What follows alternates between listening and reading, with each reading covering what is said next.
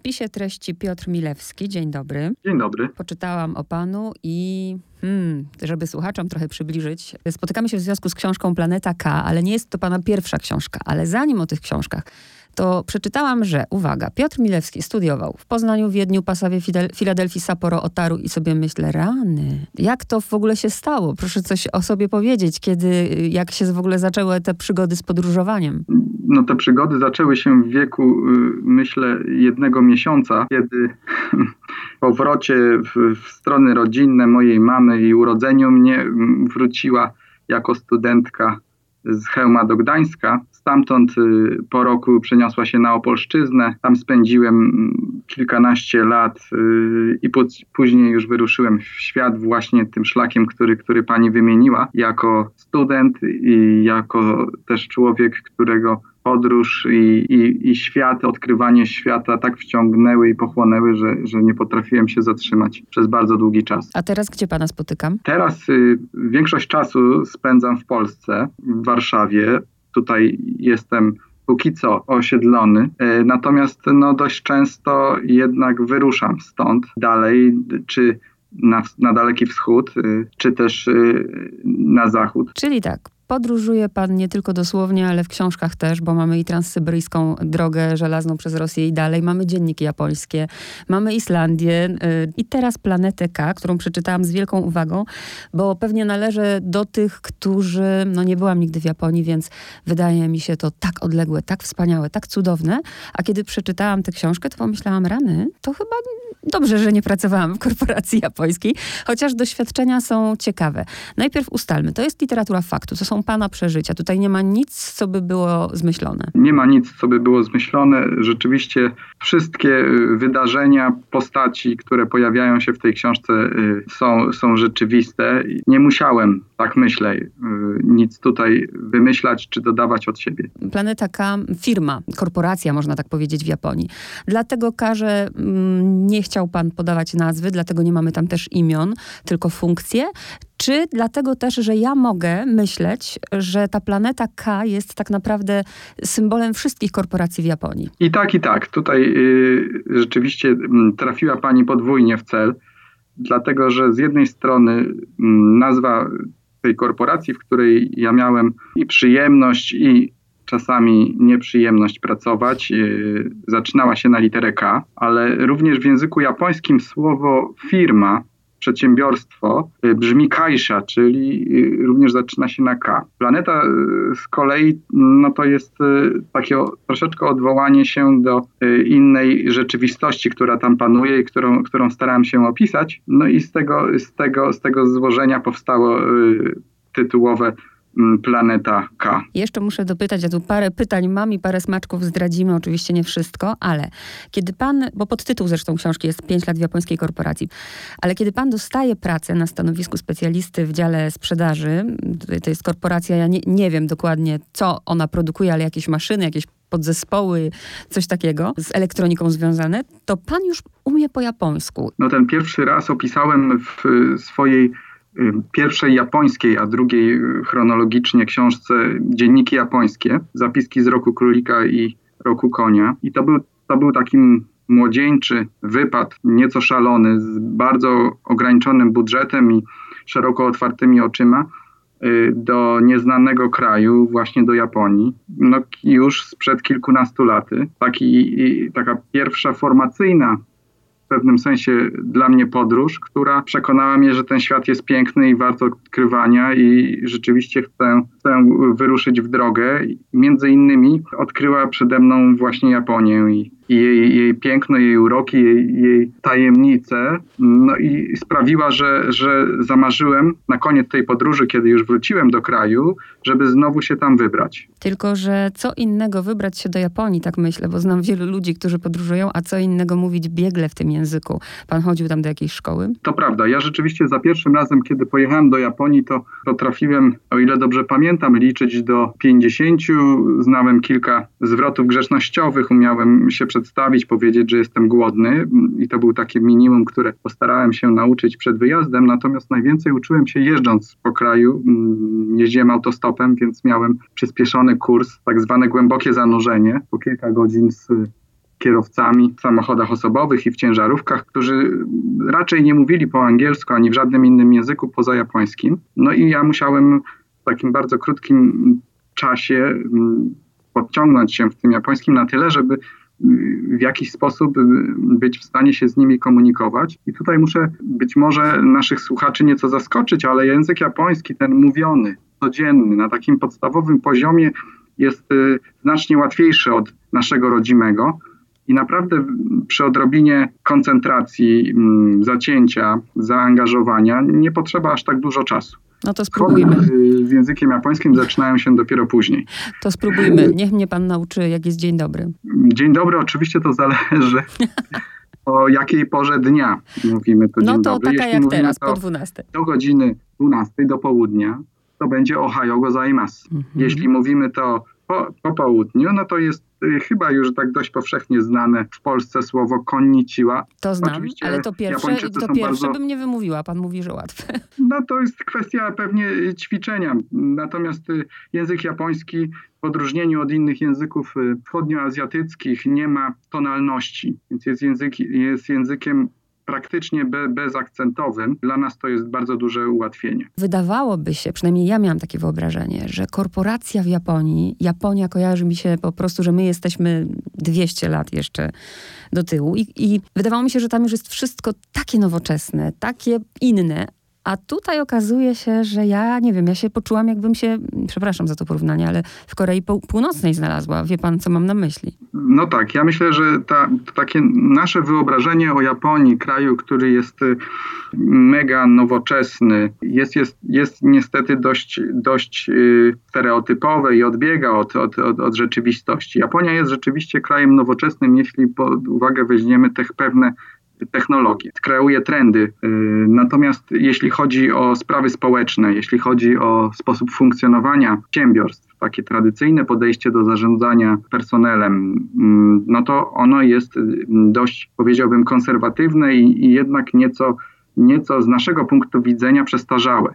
Tutaj bardzo liczy się hierarchia. Trzeba dokładnie znać swoje miejsce w tej drabinie korporacyjnej, wiedzieć, kto jest przełożonym, który z przełożonych czym się zajmuje, jakie, jakie my, my jesteśmy, jakie miejsce my zajmujemy wobec niego, ale również y, jakie, miejsc, jakie jest nasze miejsce i nasza pozycja wobec pozostałych kolegów, którzy są na równi z nami, którzy są niżej w tej hierarchii, bo to również właśnie wyraża się w języku, o którym mówiliśmy. Język y, japoński mm, jest językiem honoryfikatywnym, to znaczy w zależności od tego, z kim rozmawiamy, używamy innych form grzecznościowych i to jest sprawa, do której Japończycy przykładają niezwykle dużą wagę i ona nie tylko świadczy o naszym poziomie kultury, ale ona właśnie świadczy o tym, czy my jesteśmy w stanie się w tej organizacji odnaleźć, czy nie.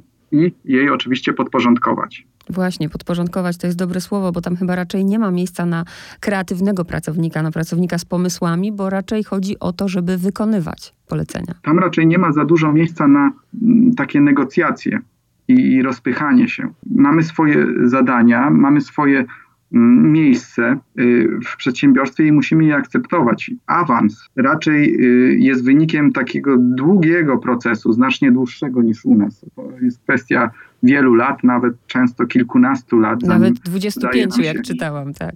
Że będzie pan specjalistą po 25. No przygnębiające trochę. Z naszego punktu widzenia dla Japończyków oczywiście jest to coś naturalne. Tutaj y, jest y, też takie inne podejście mm, do, do swoich obowiązków, ale także do samego wykonywania pracy jest takie mm, bardzo perfekcjonistyczne. Tak?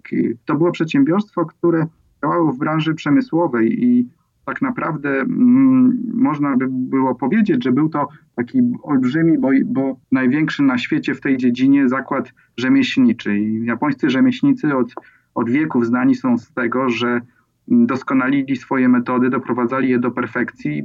One były przekazywane z pokolenia na pokolenie i właściwie nie było ani potrzeby, ani też jakiegoś takiego, y, takiego nacisku, żeby je za bardzo zmieniać. To się zmieniało bardzo stopniowo, metodą drobnych kroków i doskonalenia. Tak samo było w tej korporacji K, w której, w której ja pracowałem. Tam trzeba było po prostu być cierpliwym, wykonywać swoje obowiązki najlepiej jak się potrafi, unikać konfliktów, no i czekać, czekać na ten czas, w którym, którym zostaniemy docenieni. No to kilka smaczków. Pierwsza rzecz, która mnie interesuje, to dlaczego po prostu nie był pan tam Piotrem Milewskim, tylko e, Piotoru Mirefusuki? Ja się zastanawiam, czy to panu się będzie liczyło do świadectwa pracy, do emerytury?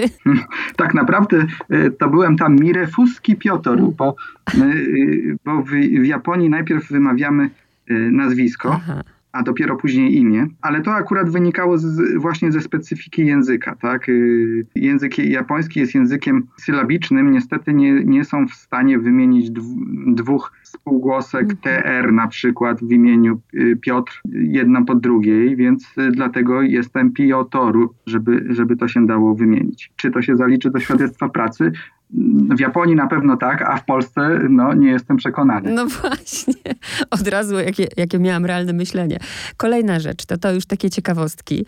Niektóre rzeczy bym może wprowadziła w Polsce, bo są ciekawe, niektóre niewyobrażalne, bo to już mieliśmy za PRL-u. Pierwsza rzecz, że to zakład pracy organizuje mi czas wolny marcowe zbieranie tak. truskawek, jesienne wycieczki krajowe i tak dalej. Oczywiście uczestnictwo w nich nie było obowiązkowe, natomiast y, no, oczekiwano, że, że, że pracownicy jednak będą brali w nich udział, dlatego że jak powitał mnie prezes już po tym, jak podpisałem umowę, ja stawałem się członkiem rodziny K, czyli nie, nawet nie tyle pracownikiem przedsiębiorstwa, czy nie tylko i wyłącznie pracownikiem korporacji K, ale członkiem pewnej takiej dużej społeczności, no, która de facto działała troszeczkę tak, jak działa rodzina. Właśnie z tą hierarchią, ale też z pewną odpowiedzialnością starszych za młodszych, z takim bardzo długoterminowym myśleniem, którego u nas znowu nie ma, bo do dziś jednak mm, zasady są takie, że te tradycyjne japońskie przedsiębiorstwa zatrudniają pracowników w pewnym stopniu deklarując się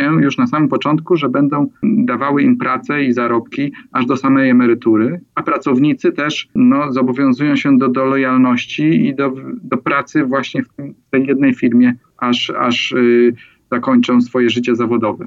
No ale tu też jest paradoks, bo rodzina, nawet jeżeli się ktoś potknie w tej rodzinie, to powinna go pocieszyć, a tam, kiedy wychylasz się i nie robisz tak, jak rodzina chce, mam na myśli chociażby pana decyzję o pojechaniu do Tokio, no to już nagle jest ostracyzm. No dlatego, że jednak to słowo, słowem kluczem jest y, podporządkowanie.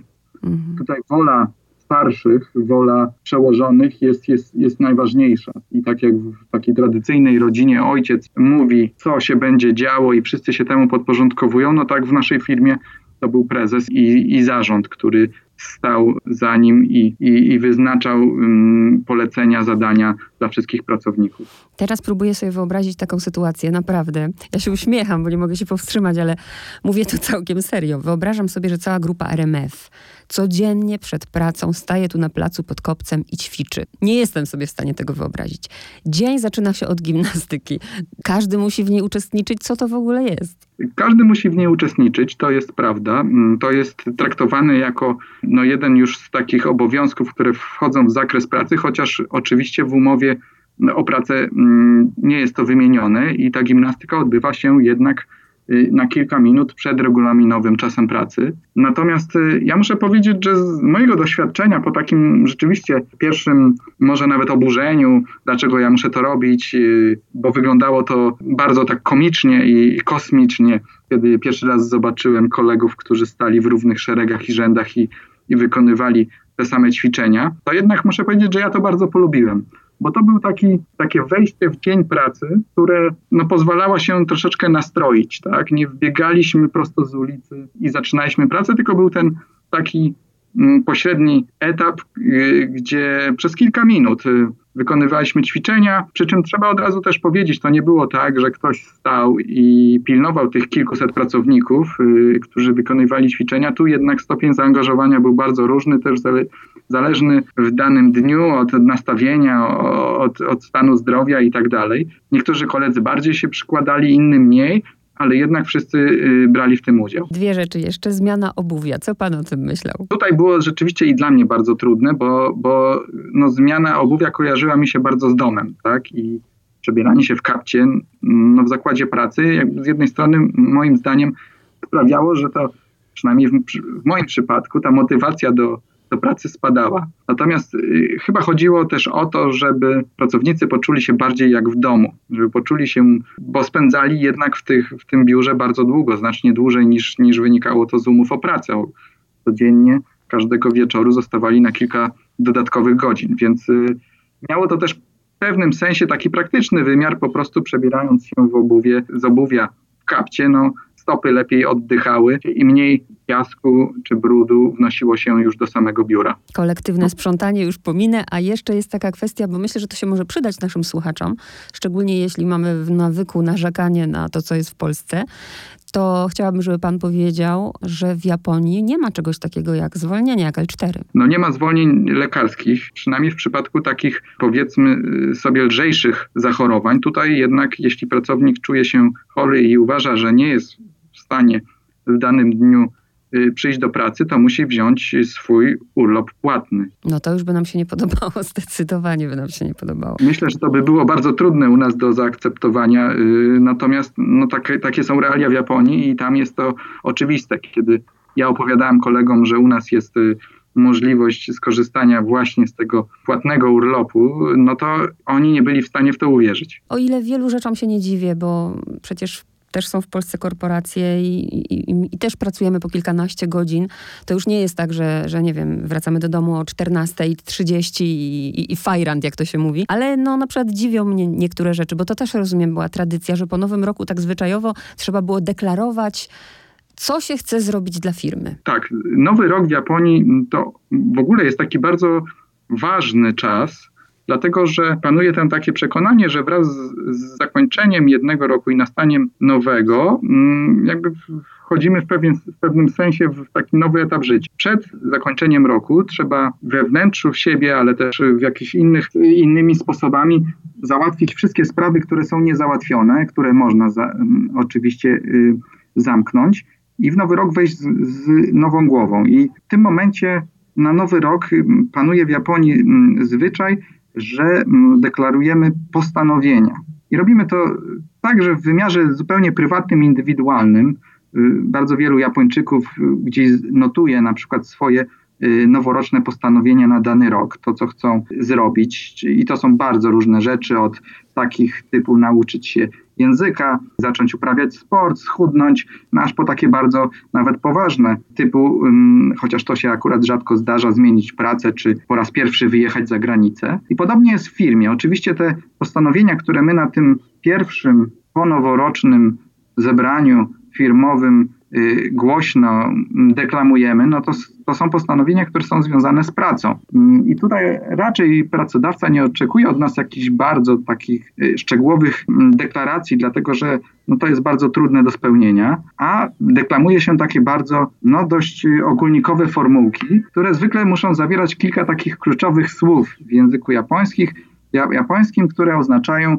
starać się dawać z siebie wszystko. Więc y, generalnie każda osoba, jedna po drugiej, powtarza no bardzo zbliżone, zbliżone zdanie, że w tym roku będzie się jeszcze bardziej starać i da z siebie jeszcze więcej niż w roku poprzednim. I to jest y, no, taka formułka, którą co roku słyszymy, no i każdy próbuje ubrać to w nieco inne słowa, czy wyrazić nieco innym zdaniem, ale tak naprawdę treściowo y, jest to właściwie identyczne u wszystkich. Kiedy czytałam to czasem w tej pana firmie, jak już tam oczywiście weszłam w swojej wyobraźni, to czułam się, jakby wszyscy właśnie odgrywali jakąś rolę, jakby tam nie było takiej szczerej rozmowy, takiej naturalności.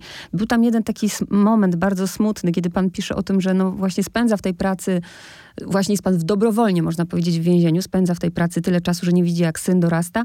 I ten kolega, który z taką zazdrością mówi, że, że pan chociaż ma wolność, może jechać do Tokio, tu nie zostanie, a oni są jakby skazani na uczestniczenie w, takiej, w takim teatrze. No, na pewno coś w tym jest. Rzeczywiście, yy, i tutaj jest takie oczywiście dość yy, szersze zagadnienie. Jakby z mojej perspektywy, życie w Japonii rzeczywiście yy, polega w pewnym sensie na wchodzeniu w pewne role i one wynikają z wieku i z pozycji, jaką zajmujemy. Jeśli jesteśmy uczniami, no to odgrywamy rolę uczniów, dostosowując się do wszystkich wymagań, jakie są uczniom stawiane. Kiedy wchodzimy do korporacji, jesteśmy młodymi, nowymi pracownikami, no to musimy zachowywać się jak nowi młodzi pracownicy, czyli kłaniać się wszystkim kolegom dookoła, rozpoznawać przełożonych, podporządkowywać się w pełni ich woli, czasami nawet udawać nieco mniej lotnych niż rzeczywiście jesteśmy, no i, i, czekać na ten moment, kiedy awansujemy. I rzeczywiście mm, jest coś takiego, że to odgrywanie roli no, jest czymś naturalnym u nas. Myślę, że my buntujemy się przed takim podejściem, że każdy jednak chce być w pewnym sensie indywiduum, traktowany indy osobno, odrębnie, gdzie bardzo ważne jest wyrażenie swoich emocji, uczuć, pokazanie swoich umiejętności, talentów. Natomiast w Japonii bardziej liczy się właśnie umiejętność gry zespołowej, podporządkowania się kolektywowi, jego celom, dostosowania się do tego, czasami właśnie również na przykład ukrycia pewnych swoich talentów, nie pokazania ich dlatego, że nie wypada albo one mogłyby postawić kogoś innego w, w złym świetle. To jest taka ciągła gra, którą my musimy, musimy toczyć, żeby z jednej strony za bardzo się nie wychylić i, i, nie pokazać swojej odrębności, ale z drugiej strony jednak jakieś tam swoje miejsce w tej całej ogromnej organizacji odgrywać. No i pracować na ten awans, który za, za kilka czy kilkanaście lat będzie nam dany. Czy dlatego właśnie prezes pana, no bo tak trzeba powiedzieć, yy, główny prezes wyróżniał, bo był pan inny i właśnie próbował wyczuć, czy, czy, czy pan może być tacy jak inni, czy dlatego, że był pana ciekawy i, pana i naszej kultury? Ja myślę, że raczej jednak to drugie. To, to rzeczywiście ja byłem jedynym obcokrajowcem, który pracował w tej firmie. I dla prezesa y, również była to pewna okazja, żeby spotkać się właśnie z tym obcym innym, z kimś, kto ma inne doświadczenia, wiedzę, który przyjechał z, z dalekiego kraju i być może pokaże też mu inne spojrzenie, które jego wzbogaci. Więc y, ja tutaj sobie to interpretowałem w taki bardzo pozytywny sposób i, no i myślę, że prezes też był człowiekiem, który mm, bardzo chciał poszerzyć swoje horyzonty i wiedzę. No i tutaj zobaczył w mojej osobie szansę właśnie na to, żeby, y, żeby tę wiedzę poszerzyć. Tu nie zdradzam słuchaczom, ale rzeczywiście cieszę się, że ta i uśmiechnęłam się na ostatniej stronie. No jeszcze muszę wspomnieć, bo mimo, że o tym nie ma wprost, to feministyczna dusza gdzieś tam krzyczy, bo przecież ta książka nie dzieje się, mimo że nie ma podanego roku, ona nie dzieje się nie wiadomo ile lat temu, tylko raczej współcześnie. I przeraża mnie to, że rola kobiety właściwie w Japonii, no właściwie nie ma roli kobiety. To znaczy, mm, ja tutaj muszę akurat zaprotestować, jeśli mogę, bo kobiety rzeczywiście odgrywają w Japonii bardzo ważną rolę, natomiast te role, które zwyczajowo y, odgrywają kobiety, są jednak odmienne od, od, od, przynajmniej po części od tych, które, które y, kobiety odgrywają w naszej części świata. Tam y, przyjęło się, że kobieta odpowiedzialna jest za mm, dom, za ognisko domowe, za wykształcenie i wychowanie dzieci. To jest no, czynnością mm, niezwykle ważną, tak? dlatego że od wykształcenia zależy ich los, od wykształcenia zależy miejsce, jakie zajmą w tej y, społecznej i gospodarczej Y, hierarchii. Od wykształcenia zależy to, czy będą pracowali, czy pracowały w największych korporacjach, zarabiały dobre pieniądze i prowadziły ciekawe, majętne życie, czy też będą jednak no, skazane na dużo więcej trudów. Więc y, ten ciężar nie, no, leży zwyczajowo, tradycyjnie po stronie kobiet. Tutaj muszę też dodać, że to się jednak zmienia. Japonia oczywiście od wielu lat się westernizuje i także w tym fragmencie rzeczywistości tutaj również kobiety, troszeczkę też przymuszone ze względu na sytuację gospodarczą. Tak jak dotychczas pensja, jedna pensja w domu już nie wystarcza, żeby utrzymać rodzinę i zapewnić jej no, w miarę komfortowy byt. I tutaj rzeczywiście kobiety też coraz bardziej aktywnie wchodzą na tą scenę i, i zaczynają odgrywać coraz większą rolę, ale jednak no, pod tym względem Japonia ma bardzo bardzo wiele jeszcze do nadrobienia w stosunku nie tylko do Polski, ale do całego, że tak powiem, zachodniego świata. Pozwolę sobie zadać pytanie, oczywiście jeśli pan nie odpowie, uszanuję, ale ryzykuję. Czy pana japońska żona jest z panem tutaj w Polsce? Tak. No i jak ona się odnajduje w tym świecie? Bo pan w tamtym się no nie tyle nie odnalazł, ale jednak wybrał pan Europę. Ja myślę, że ja się tam odnalazłem i, i odnalazłem siebie nawet dość dosłownie i dlatego i dzięki temu jakby byłem w stanie też podjąć tę decyzję, że jednak y, chciałbym wrócić i przynajmniej na jakiś czas, jakiś czas spędzić tutaj w, w tej części świata. I to była, oczywiście to jest zawsze trudna decyzja, bo przeprowadzka z całą rodziną rodziną już wtedy powiększoną jest, jest, jest dużym wyzwaniem. Natomiast jeśli chodzi o moją żonę, ona odnalazła się tutaj, myślę, doskonale. No zawsze była takim niespokojnym duchem, jeśli mogę powiedzieć, przynajmniej z punktu widzenia jej kolegów, koleżanek w Japonii. Zawsze ją ciągnęło gdzieś daleko, zawsze y, chciała mieszkać za granicą i no to się, to się akurat spełniło i, i myślę, że ona tutaj być może nawet w większym stopniu, tutaj ja kolei ryzykuję, jest w stanie spełnić się życiowo niż, niż gdyby mieszkała w mhm. Japonii, chociaż no, czasami brakuje jej takich y, zupełnie podstawowych rzeczy, jak, jak y, japońskie jedzenie, czy, czy y, gorące źródła, też góry, których tutaj akurat tam, gdzie mieszkamy, no, nie widzimy za oknem. Dziękuję, że Pan odpowiedział na to pytanie. I ostatnie jeszcze trochę o styl, bo bardzo szybko się czyta tę książkę, bo to są bardzo krótkie rozdziały. Y, I dobrze, bo to nadaje taki rytm. Ale właśnie, czy, czy ja mam tylko takie wrażenie, czy już sobie coś wymyśliłam, czy Pan miał w ogóle taki zamysł? Bo jak czytałam, to właśnie byłam, czułam, że ta książka ma taki rytm. Tak jakbym czytała te sprawozdania, o których Pan pisał, które musiał pisać w tej korporacji. No to jest właśnie strzał w dziesiątkę. Dokładnie, dokładnie dokładnie o to mi chodziło. Takim moim zamysłem było, żeby w jak najbardziej zbliżony do, tego, do tej rzeczywistości sposób ją pokazać, czyli żeby czytelnik, również polski, mógł poczuć się tak jak ja czułem się właśnie tam w czasie pracy. I być może rzeczywiście dla niektórych y, te rozdziały mogą wydawać się za krótkie, być może jest y, zbyt mało wątków pobocznych dla niektórych czytelników, ale to jest jakby w pewnym sensie zamierzone, dlatego żeby pokazać i dać taką możliwość poczucia y, się czytelnikowi, tak jak ja czułem się właśnie przez te 5,5 roku w, na planecie K. I rzeczywiście intuicyjnie tak się dzieje, a już miałam zakończyć, ale jeszcze to, bo przypomniał mi się Mały Książę teraz.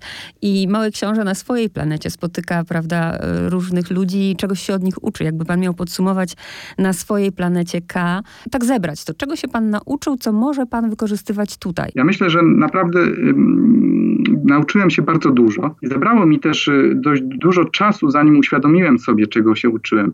Jeśli mogę to tak w kilku słowach wymienić, no to po pierwsze nauczyłem się cierpliwości. Po drugie nauczyłem się takiego spojrzenia długoterminowego na pewne rzeczy, że życie jednak trwa dość długo i nie, nie zawsze wszystko udaje nam się od razu zrealizować, co nie znaczy, że nie nadajemy się do tego, czy nie mamy do tego, czy nie jest to nam dane. Warto nastawić się na długi czas, warto o pewnych rzeczach nie zapominać, tylko powoli właśnie metodą małych kroków do nich dążyć warto mieć marzenia i jeszcze jednej rzeczy. Warto myśleć też o innych. Kiedy cokolwiek mówimy, działamy, nawet myślimy, to warto zastanowić się, jaki to może mieć wpływ, jaki to może mieć oddźwięk, jak to może dotknąć inne osoby. Tego na pewno nauczyłem się nie tylko w przedsiębiorstwie, w którym pracowałem, ale podczas tych dziewięciu lat y, spędzonych w Japonii. Piotr Milewski był moim gościem. Dziękuję bardzo. Dziękuję bardzo.